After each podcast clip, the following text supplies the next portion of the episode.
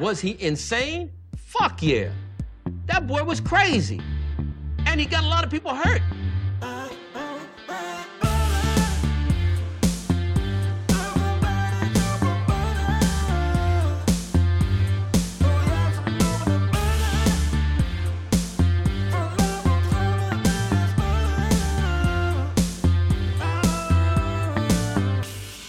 Like butter? I fucking love butter.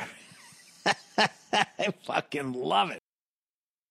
What's up, motherfuckers? Welkom bij alweer een nieuwe aflevering van de Zonde van Je Tijd podcast. Een podcast waarin Badden niet alleen zijn eigen kostbare tijd, maar vooral ook uw hele kostbare tijd verdoet met het uitkramen van absolute onzin. Back bij Absolute No Demand. Dit is alweer een tijdje geleden dat ik alweer een podcast heb opgenomen, maar het werd weer eens eventjes tijd, want de wereld is weer open en er wordt weer opgetreden. Wij zijn natuurlijk gewoon weer lekker doorgegaan, maar ik merk dat ik de laatste tijd een beetje...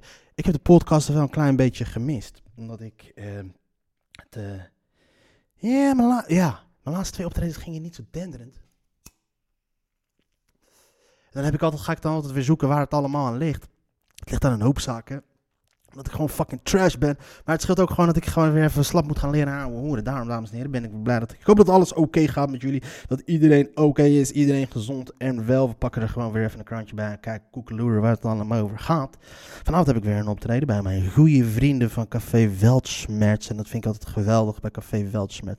Want ze betalen gewoon dikke knaken. En ik geef ze altijd aan van, joh, luister. Ik vind het hartstikke gaaf dat ik hier mag optreden voor mijn rechtse vrienden. Ik wil jullie hierbij vertellen ook dat ik... Uh, elke euro ga besteden aan de uh, ga doneren aan moskees.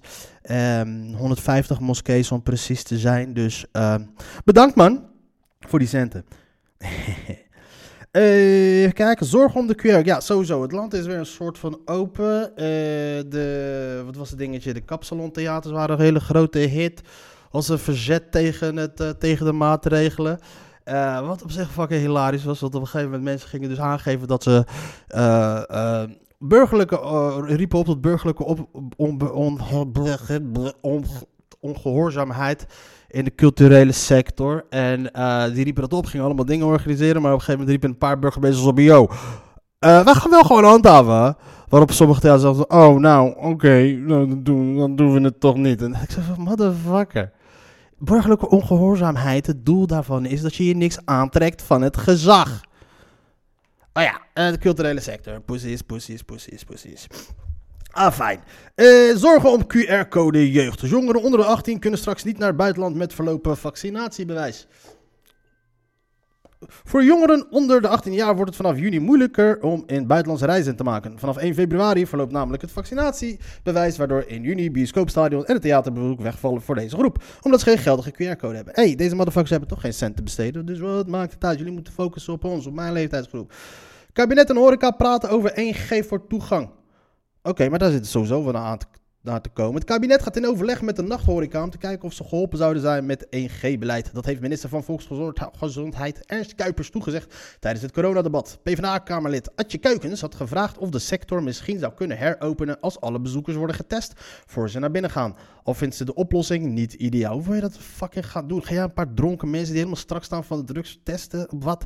Horeca-bezoekers moeten nu een coronatoegangsbewijs laten zien op basis van 3G, gevaccineerd, getest of genezen of horeca. In de Kamer wordt ook besproken of de invoering van 2G, waardoor mensen die niet gevaccineerd of, of hersteld zijn niet meer naar binnen zouden kunnen.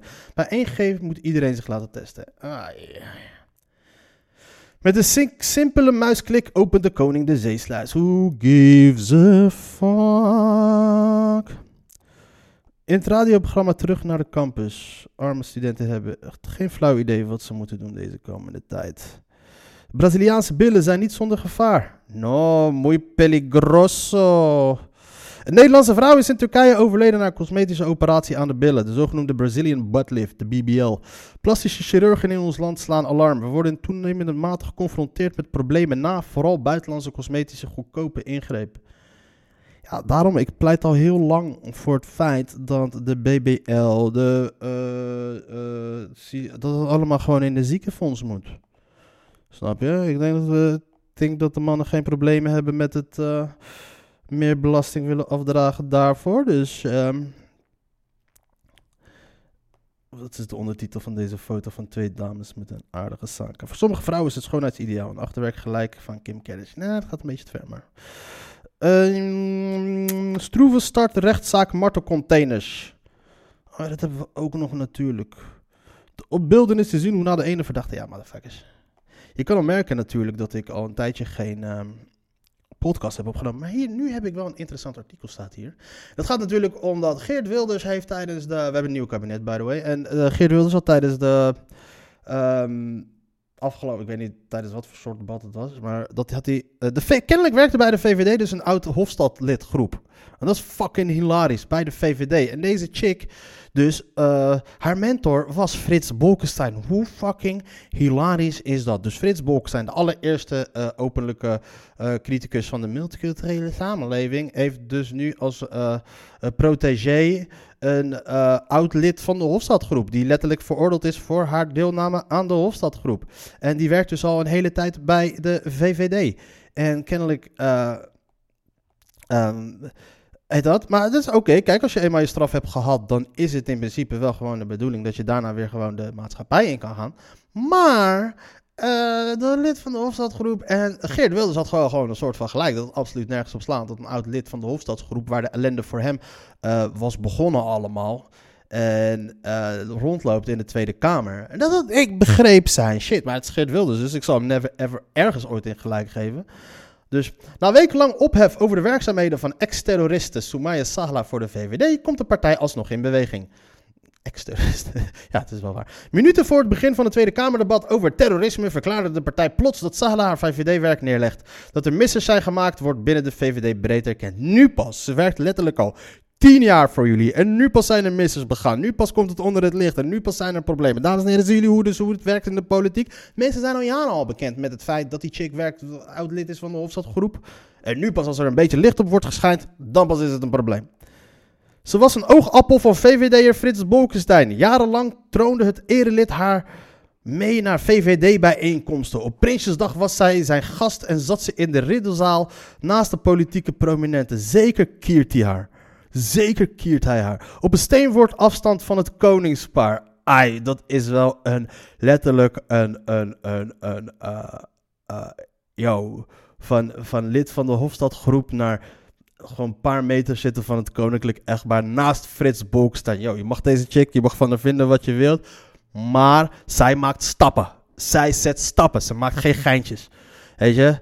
De meeste mensen die uit de bias komen, belanden uiteindelijk in een buurthuis of gaan werken voor een of andere uh, project om uh, hun broertjes te weerhouden dat ze, de dat ze in de bias gaan belanden. Maar deze chick, die zit gewoon jaren later, nadat ze lid is geweest van een groep die verantwoordelijk is, uh, werd gehouden voor de, de, moord op Theo van Gogh, zit zij gewoon letterlijk naast Frits Bolkestein op een steenworp afstand van, van het Koningshuis. Mooi woordkeuze trouwens, steenworp afstand. Uh, lekkere timing. Het is PVV-Kamerlid Guidi Marcus Schauer die het woensdagmiddag niet kan laten om VVD-Kamerlid Ingrid Michon te plagen. De twee politici zouden elkaar treffen voor een debat over terrorisme. Iets waar Marcus Schauer erg naar uitkeek en Michon juist met lood in haar schoenen naartoe ging. Want ongetwijfeld zou daar opnieuw de voor de VVD pijnlijke kwestie Sala ter sprake komen. Brandstof voor de PVV, hoofdpijn voor de VVD. Maar plots is daar de VVD-persbericht dat meldt dat Sala na dagenlang conclaaf tussen het partijbureau, de VVD-kamerfractie en Sala zelf stopt met werk voor de liberalen. Ze toont ook opeens berouw over haar verleden bij de Hofstadsgroep. Heeft ze dat daarvoor nou niet gedaan? Wel wil ze VVD-lid blijven. Oké. Hoe dan? Van de Hofstadgroep naar de VVD. Ik snap die fucking link niet. Ze zegt spijt te hebben van wat de zwarte bladzijden in mijn leven. Maar heb jij dat dan? Is het nu pas voor het eerst dat jij zegt dat je spijt hebt van je deelnaamschap van de Hofstadgroep? Heeft niemand aan jou gevraagd van, heb je ergens spijt van? Wauw. Ze had er uiteraard natuurlijk over kunnen liegen. Maar ik neem op zijn minst aan dat als je... Eh, kijk, als iemand spijt betuigt ergens van... Ik geloof er sowieso geen reet van. Weet je? 9 van de 10 keer. Maar als het... Uh, nu lijkt het wel alsof het voor de allereerste keer is dat zij haar spijt betuigt voordat ze lid was bij de, bij de Hofstadgroep. Heb je dat ook niet gedaan bij de rechtbank of zo? Dat je, daar, dat je met vrij milde straf bent, vanaf bent gekomen? De VVD doet eveneens een poging tot de tot de-escalatie. Interim partijvoorzitter Onno Hoes geeft aan dat de affaire bepaald niet de schoonheidsprijs verdient. Oké, Onno Hoes en affaires. Oh man, ik, dit dikke shout-out naar de schrijvers van dit artikel. Want die gooien echt telkens van die fijne subliminals ertussendoor, weet je. Eh, dus de oud is moslimterroristen zit op een steenworp afstand van de koninklijke paar. En eh Onno Hoes geeft aan dat de affaire bepaald niet de schoonheidsprijs verdient. De VVD had veel eerder de casus Sala tegen het licht moeten houden. Het heeft veel te lang geduurd voordat de partij zich erover heeft gebogen, erkent hij. Eerder zei VVD-fractievoorzitter Sophie Hellermans al dat ze zich ongemakkelijk voelde over de positie van Sala. Oh, nu pas. Nu pas voel jij je ongemakkelijk over de positie van, van Sala. Dus pas eh, al die tien jaar of elf jaar dat ze daar zat, voelde je je niet ongemakkelijk. Maar nu opeens, nu het aan de licht wordt gehouden, voelt zij zich ongemakkelijk. Het zijn allemaal motherfuckers. Machinepistool, oké, dat is de hele switch, de kop van de nieuwe Sala werd in 2014 veroordeeld. Dat is nog niet zo lang geleden. Veroordeeld tot drie jaar cel voor verboden wapenbezit en lidmaatschap van een terroristische organisatie. Zij is in 2005 met haar toenmalige echtgenoot en een vriendin gearresteerd op verdenking van terroristische activiteiten. Het drietal had op dat moment een doorgeladen machinepistool in de kofferbak. Pas negen jaar later volgde de veroordeling. Opmerkelijk is, al dus de gerechtshof in de uitspraak, dat Sala in de negen jaar na haar arrestatie nooit echt spuit heeft betuigd. Sterker nog, ze zou zich zeer zelfs slachtoffer voelen van een een de rechtsstaat onwaardige handelen van onverantwoordelijke optredende officieren van justitie die slechts door scoringsdrift bewogen werden en een showproces hebben geïnitieerd. Wauw, oké, ze is niet op haar pennetje gevallen. Uit de uitspraak valt op te maken dat Sala de hand weinig in eigen boezem steekt. Van werkelijke afstand nemen van de door haar begane bestrafbare feiten is geen sprake. Het Hof constateert dit met spijt. Het heeft haar leven dan al wel radicaal veranderd. Oh, kijk, check die fucking woordkeuzes. Ze laat haar maatschappelijke betrokkenheid actief en constructief gelden, constateert de rechter in 2014. Tijdens het debat over de regeringsverklaring haalde PVV-leider Geert Wilders hard uit naar de VVD en Sala. De moordenaar van Theo van Gogh behoorde ook tot de Hofstadsgroep. En de groep had ook Wilders in het vizier. Vizier, dat is een Arabisch woord. Hier. Fucking subliminals. De subliminals motherfuckers hebben te veel geluisterd naar Jay-Z. De compositie die is ontstaan zit mijn positieve bijdrage op dit moment in de weg, zegt Sala in reactie op alle kritiek. Sala was bij het thematische netwerk Netwerk Veiligheid en Justitie tafelvoorzitter terrorisme en radicalisering. Als vrijwilliger zwengelde zij vooral debatten aan over dit onderwerp. Haar netwerk wordt aangestuurd door een voorzitter en secretaris. Netwerk, netwerk, net als het hoofdstadsgroep netwerk was. God damn it, wat zijn ze on fire. Daphne Lodder, voorzitter van de aan de VVD gelieerde jongerenorganisatie JOVD, is niet gecharmeerd van de houding van de partij. Ze noemen het erg verkeerd signaal dat de VVD afgeeft richting niet alleen mevrouw Sala, maar de gehele samenleving. En een gederadicaliseerde, een gederadicaliseerde die zich inzet om precies die radicalisering te voorkomen, is een voorbeeld van verbinding, optimisme, vooruitgang en het nemen van verantwoordelijkheid, schrijft Lodder op Twitter. Lodder Twitter. Ja, oké. Dat is gewoon. Dat, ja, dat is hoe je dat moet schrijven. Eerder trad ook een ander veroordeeld lid van de Hofstadgroep, Jason Waters.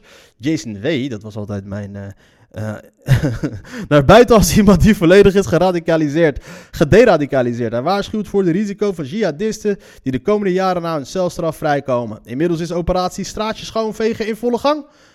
Binnen de VVD-fractie valt te horen dat het aanstellen van VVD-tafelvoorzitter Sos Sala aan het partijbureau is en niet aan de Kamerfractie. Opvallende detail, als voormalige partijvoorzitter was Christiane van der Wal daar jarenlang voor verantwoordelijk. Inmiddels is ze minister voor Natuur, Stikstof en Kabinet in Rutte 4. And they don't give a fuck.